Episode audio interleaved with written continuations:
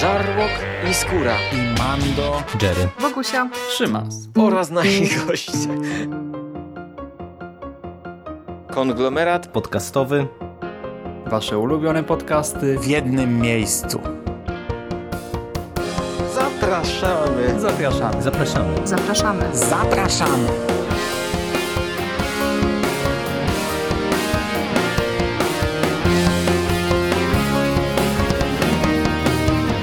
Witam w konglomeracie podcastowym, czyli na platformie, która zbiera wszystkie Wasze ulubione podcasty w jednym miejscu. Po tej stronie mikrofonu Szymon Szymaś-Cieśliński. Witam Was dzisiaj i zapraszam na omówienie drugiego kinowego przeboju ostatniego tygodnia, czyli Oppenheimera. Oppenheimer to biopic J. Roberta Oppenheimera w reżyserii i ze scenariuszem Christophera Nolana, a scenariusz ten opiera się na książce pod tytułem Amerykański Prometeusz, Triumf i tragedia ojca bomby atomowej. Jest to książka autorstwa duetu Sherwin i Bert i książka ta niedawno została wznowiona w Polsce przez wydawnictwo Replika, więc jeżeli ktoś jest nią zainteresowany, to bez problemu może ją teraz nabyć. Dostajemy więc kolejny film Nolana, tworzony z znaną mu dobrze ekipą, bo za kamerą e, stoi Hoyt van Hoytema, montuje Jennifer Lame, komponuje Ludwik Jeransson, więc e, ekipa między innymi też od Teneta przede wszystkim osoby znane e, Nolanowi i e, dostajemy kolejny epicki film, e, który właśnie trafia na ekrany kin w sezonie letnim. Jest no, takim zamiennikiem superbohaterskiego blockbustera, może i budżet około chyba 100 tysięcy, może 100 tysięcy, 100 milionów dolarów wyniósł, więc to nie są tak duże pieniądze jak właśnie w jakimś tam kinie z MCU czy DCCU, ale nadal tak no 100 tysięcy, nie 100 milionów e, no, dolarów, no to nie w kij dmuchał. No i film, jak wskazuje tytuł, skupia się na życiu Roberta Oppenheimera i prezentuje je trzytorowo. Równolegle śledzimy pracę Opiego tak na niego mówią tutaj skrótowo OPI i ja też będę chyba stosował ten skrót, y, więc równolegle śledzimy pracę OPIego nad pierwszą bombą atomową, y, pracę komisji śledczej badającej już y, po wojnie lojalność i patriotyzm OPIego oraz pracę pewnej komisji senackiej, która przepytuje senatora Straussa w sprawie działalności OPIego w Agencji Energii Atomowej USA. Mniej więcej e, dwie z trzech godzin, bo ten film jest dosyć długi, trwa e, trzy godzinki. E, dwie godziny to jest ta podróż do zdetonowania pierwszej bomby, a po zakończeniu wątku Trinity skupiamy się już stricte na politycznych gierkach i tych wszystkich komisjach wokół wyścigu zbrojeń i też pomysłu produkcji bomb wodorowych. Film jest w związku z tym wszystkim mocno pocięty, ale mimo przecinania się tych trzech wątków i no jak gdyby trzech linii czasowych, nie odczuwa się tutaj za bardzo chaosu czy znużenia i w gruncie rzeczy każdy wątek ma swoje własne napięcie, swoją własną może nie intrygę, tak, ale jakąś tam tajemnicę, e, sekret albo niepewność związaną z tym, jak to się wszystko skończy. I te pierwsze dwie godziny w ogóle grają doskonale. Tak? Ogląda się to jak naprawdę dobry thriller. Ta ostatnia godzina troszkę ma inne tempo, ale to rozwinę może e, za moment. Co bardzo istotne, to nie jest film o bombie. E, troszkę to sugerowały zwiastuny. Ja sam po kilkukrotnym obejrzeniu tego trailera e, w kinie, tego wiecie, właśnie trailera z bombą, odliczaniem, tym takim zobrazowaniem właśnie wybuchu, czy tam jakiegoś, nie wiem, pękania atomów, czegoś w tym stylu. Też myślałem, że kwestia Trinity, czy potem Little Boya i Fatmana będą stały w centrum tego filmu, e, że to na tym będzie się on skupiał, ale tak się jednak nie dzieje. Mało tego, sam finał wątku bomby jest mocno nietypowy i od strony takiego doświadczenia filmowego jest fascynujący wręcz, bo my widzieliśmy różnego rodzaju eksplozje w dziesiątkach filmów. Umówmy się, to nie jest nic nowego, ale na ogół e, wybuch bomby, czy to atomowej, czy innej, to jest albo klimaks, albo jakaś efekciarska scena akcji. Nie Mamy nawet przecież piosenkę, e, tak jak to było, Bad Boys Don't Look at Explosions chyba. E, no właśnie, a tutaj scena z wybuchem bomby to scena dramatyczna. Scena, w której nie czuć ekscytacji, podniecenia, a raczej niepokój, lęk, dyskomfort, niepewność i wiecie, doświadczenie tego w kinie na wielkim ekranie było na swój sposób czymś świeżym, właśnie ciekawym. I właśnie nie jest to też epicki finał. To nie jest scena domykająca ten film absolutnie, a jedynie jeden z punktów zwrotnych y, w życiu głównego bohatera, w życiu Opiego. I w samej scenie też nie skupiamy się, w scenie wybuchu nie skupiamy się na bombie, a przede wszystkim na reakcji Oppenheimera i ewentualnie tam otoczenia, y, które właśnie pracowało nad Trinity i brało udział w tym teście. Y, więc no jest to coś wartego, myślę, odnotowania. E, I właśnie mówię o Opim, e, warto by wspomnieć, że w tę główną rolę wciela się Killian Murphy. E, Killian Murphy już kilkukrotnie współpracował z Nolanem oczywiście, ale dla mnie to zawsze będzie Jim z 28 dni później. W tym wypadku jest to bardzo dobry casting. Po pierwsze, on ma specyficzne oczy, specyficzne spojrzenie, które można ciekawie eksponować w tym filmie i Nolan z tego korzysta. Oppenheimer to e, w pewnym sensie geniusz. Nie? To jest facet, który e, tym swoim abstrakcyjnym myśleniem i rozwijaniem e, idei Einsteina no naprawdę gdzieś tam przerósł wielu ludzi ze swojej epoki i tutaj często film nam sugeruje, że on gdzieś tymi myślami odpływa. tak? E, przez, niego, przez jego umysł w ogóle przelatują najróżniejsze idee, czasami się wyłącza, odpływa dokądś myślami i eksponowanie e, tego jego spojrzenia w tych momentach e, robi świetną robotę filmową. tak? To naprawdę działa jako wiecie, no close-up, te oczy takie trochę nieobecne, nie do tego jakaś wizualizacja jego potencjalnych myśli, e, to naprawdę działa w kinie e, i dlatego to specyficzne spojrzenie jest istotne, ale nie tylko oczy budują filmowego opiego, żeby nie było, tak? bo też słyszałem, że o, tylko o to chodziło. No absolutnie nie. Murphy potrafi oddać e, to takie ekscentryczne gwiazdorzenie tej postaci i robi to z niesamowitą łatwością. Naprawdę tutaj nie widzimy aktora, widzimy tego człowieka, który jest trochę ekscentryczny, trochę cyniczny, trochę dziwaczny. E, nie wiem, ile tutaj jest ręki Nolana, tak, a ile inwencji aktora, ale efekt końcowy jest bardzo dobry. I cały casting tak naprawdę zaskakuje pozytywnie. W dodatku, e, nie wiem, no jeżeli ktoś się filmem interesował jakoś mocno, e, to może wiedział, kogo potem zobaczy na ekranie, wiedział jakich cameo oczekiwać, ale ja sam e, wielokrotnie się zaskakiwałem oglądając ten film, bo widziałem masę twarzy, których się nie spodziewałem. I do tego też e, wiele aktorek i aktorów, takich cenionych aktorek i aktorów, wpada tutaj na dosłownie, wiecie, jedną, dwie, może trzy scenki e, i znika z tego filmu, albo też jest przez większość czasu, ale na ogół w tle, by w pewnym momencie dostać swoje, wiecie, 2, 3, 5 minut yy, i zabłysnąć. Chyba najlepszym przykładem yy, dla tego drugiego przypadku jest Kitty, grana przez Emily Blunt, yy, partnerka, jedna z partnerek życiowych Oppenheimera, bo ona e, no ma tam jakieś sceny e, właśnie tego zawiązywania się ich relacji, związku, e, gdzie jest troszkę też na pierwszym planie, ale przez większość tego filmu, no wiecie, dla mnie ona mogłaby nie istnieć. Tak trochę jest z boku, a nawet są też takie sekwencje, gdzie ona dosłownie gdzieś siedzi z boku i nawet nie ma ostrości na niej. Nie? Jest e, totalnie e, no, jak za mgłą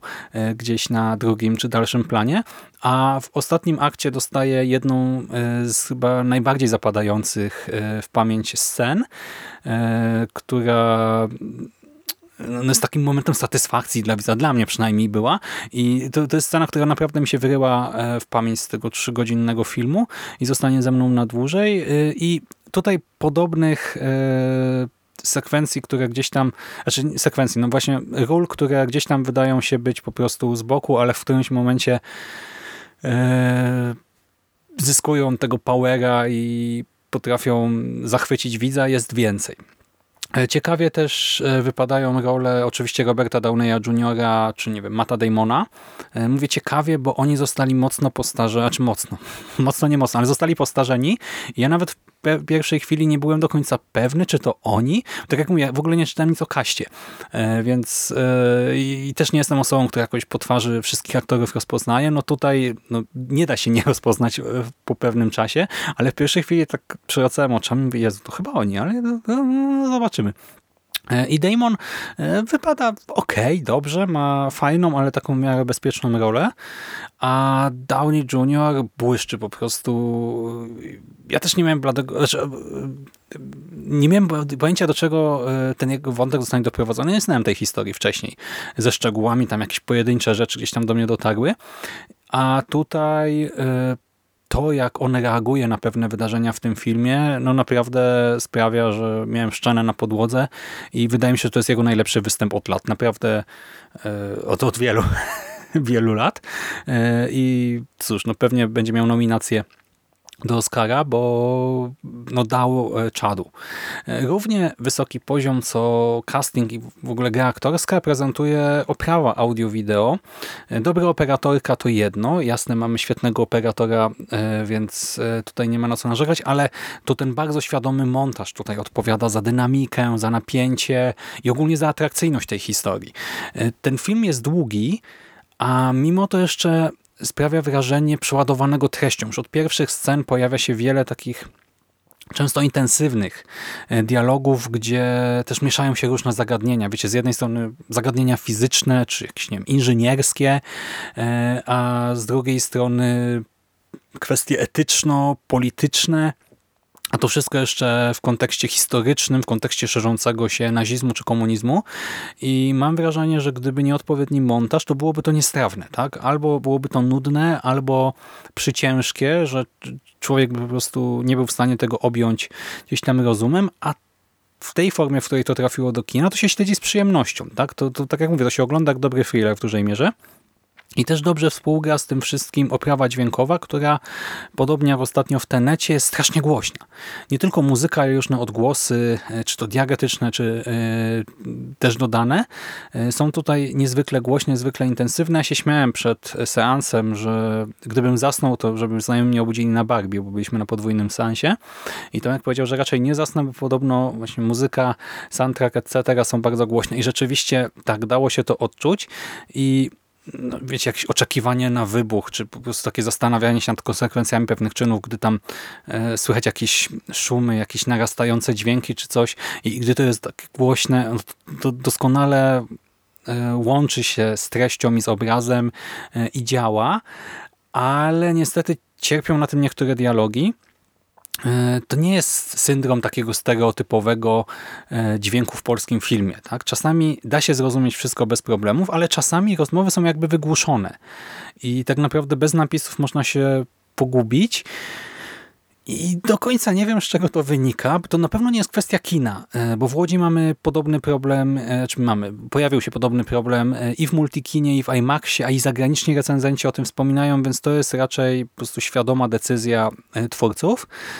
Ale rzeczywiście właśnie niektóre dialogi są całkowicie wyraźne, a inne znowu tak, tak trochę jak wiecie, podsłuchiwanie rozmowy na ulicy. Coś nam może nam ginąć, czegoś możemy nie dosłyszeć. E, no i musiałbym to obejrzeć jeszcze raz, żeby to jakoś przeanalizować. Nie jest to też jakiś duży problem, e, no przynajmniej dla obcojęzycznych widzów, którzy mają te napisy, e, ale no właśnie czytałem, że i w Stanach tak, tam ludzie narzekali jednak na to troszkę. Ciekawy jest też brak CGI. Marketing tego filmu wspominał o tym, że nie będzie tu w ogóle sekwencji CGI no wiecie, ciężko jest to stwierdzić po jednorazowym seansie, e, ale istotne jest to, że unikamy CGI, a jednocześnie e, fabularnie zaglądamy kilkukrotnie do wyobraźni Opiego. E, właśnie gdy ten próbuje objąć pewne zjawiska fizyczne rozumem, i dokładnie w kontekście tej fizyki kwantowej jest to niezwykle istotne, bo nie trudno jest zrobić jakieś animowane fale, wybuchy, rozszczepiane atomy i tak dalej, ale gdy mamy z tyłu głowy, tak, że Nolan obiecuje, że to, co widzimy na ekranie, to nie jest CGI, e, więc te wszystkie dziwne światełka, e, jakieś tam właśnie mini eksplozje, czy jakieś te falki, że gdy mamy świadomość, że to są realne zjawiska, że to są rzeczy otaczające nas, których często nie zdajemy sobie sprawy, no to od razu inaczej patrzymy na te sceny i ta fizyka teoretyczna zyskuje materialny wymiar, więc e, kolejny sukces jak gdyby tego filmu można w tym upatrywać. Technicznie on jest ogólnie bardzo ładny i po prostu dobry, e, slash bardzo dobry, ale wróćmy do fabuły.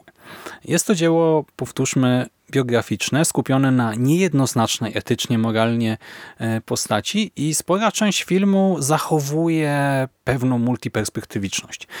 Widzimy tego potencjalnego geniusza, ale też potencjalnego złola, e, człowieka cieszącego się sławą e, czy władzą, w sensie cieszącego się e, jako trochę rządnego tego wszystkiego, ale z drugiej strony też filantropa, osobę pomagającą ludziom w potrzebie, przyjaciela, ideowca, patriotę, no ale znowu, tak, jednocześnie też cynika, ekscentryka, kobieciarza, trochę takiego odludka, outsidera i też nie zawsze dobrego przyjaciela. I niestety ostatnia godzina zaczyna porzucać te subtelności i jednoznacznie zmierza w kierunku stawiania pomnika. Co było dla mnie dość zaskakujące, to się sprawdza jako element thrillera, ale nie pasuje do biografii niejednoznacznej jednostki. Tak? E, nie po to siedzę trzy godziny i gdzieś tam potencjalnie zastanawiam się nad tym, właśnie co czuje człowiek, który stworzył broń masowego rażenia masowej zagłady, broń służącą do ludobójstwa i tak dalej, by potem dostać po prostu pomnik. E, I drugi potencjalny problem to fakt, że ta ostatnia godzina to porzuca wątek całkowicie budowania, tworzenia bomb, eksperymentów naukowych, e, przerzuca się na kwestie bardziej polityczne i to jest w dużej mierze już taka czysta ekspozycja. Mamy komisję przesłuchania i mówienie o rzeczach. Nie wszystkie z tych rzeczy widzieliśmy lub widzimy, o wielu tylko słyszymy i dlatego też to tempo się zmienia, ale to nie jest tak też, że ono jakoś wyraźnie zwalnia. Ono się zmienia i trochę skacze, bo my skaczemy i po tematach, i w czasie, i obserwujemy te e, gadające głowy e, z jednej strony, a z drugiej strony zalewają nas różne informacje, a ta pętla intrygi, e, która tutaj jest snuta, to, to pętla się zaciska. I tak naprawdę ta ostatnia godzina to mógł być osobny film. Osobny film właśnie o rządowej paranoi, o podstępach, gierkach politycznych w formie jakiegoś dramatu sądowego, tylko bez sądu. Tak? Zamiast sądu to mielibyśmy komisję polityczną, dramat komisyjno-polityczny, nie wiem. E, no i ten film by pewnie trwał e, z takim normalnym tempem 3 godziny. Tutaj dostajemy to wszystko w godzinę e, i no spoko, to nie psuje seansu, to pasuje do konwencji, ale czuć, że to jest trochę inne kino niż przez pierwsze dwie godziny. Też osoby zmylone zwiastunem i nastawiające się na więcej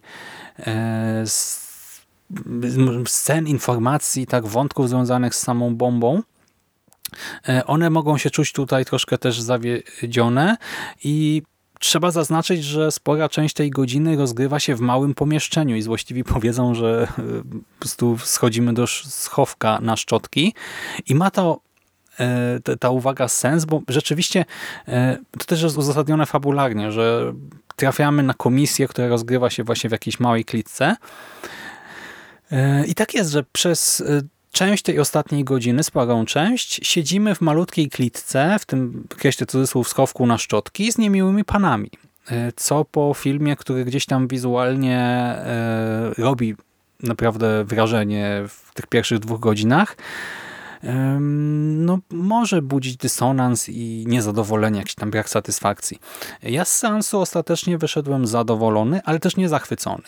E, zobaczyłem film, który umiarkowaniem się podobał, wciągnął mnie, e, tak, zaciekawił i doprowadził do końca, ale też miałem wrażenie, że on nie zostanie ze mną na dłużej. On jest epicki, monumentalny, ale przy tym mało subtelny i absolutnie nie czuję po seansie, że Nolan ukazał mi skomplikowany charakter Oppenheimera i właśnie taką jednostkę w takim świecie pomiędzy, na rozdrożu, nie? Której, którą ciężko jest jednoznacznie ocenić.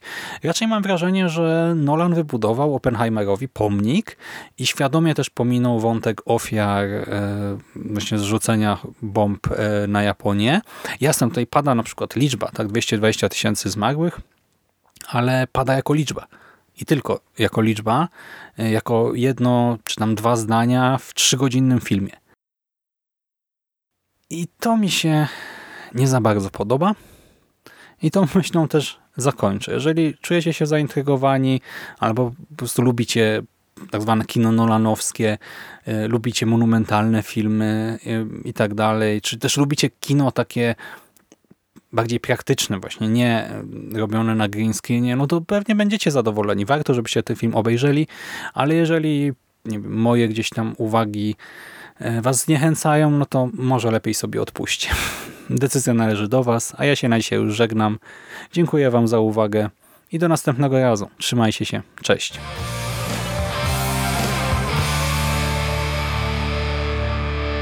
You finished? That's it, man. It's game over, man. It's game over. What the fuck are we gonna do now? What are we gonna do? It's over. Nothing is over! Nothing! You just don't turn it off!